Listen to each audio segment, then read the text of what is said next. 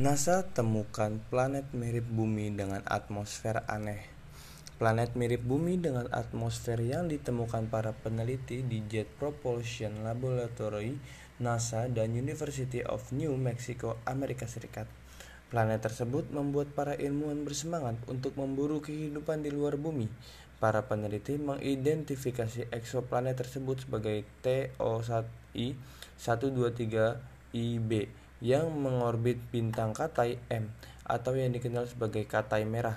Dilansir dari Independen Sabtu 12 Juni 2021, para ilmuwan mampu mengkarakterisasi bintang itu dan mengukur jari-jari serta massa dari eksoplanet TOI 1231b.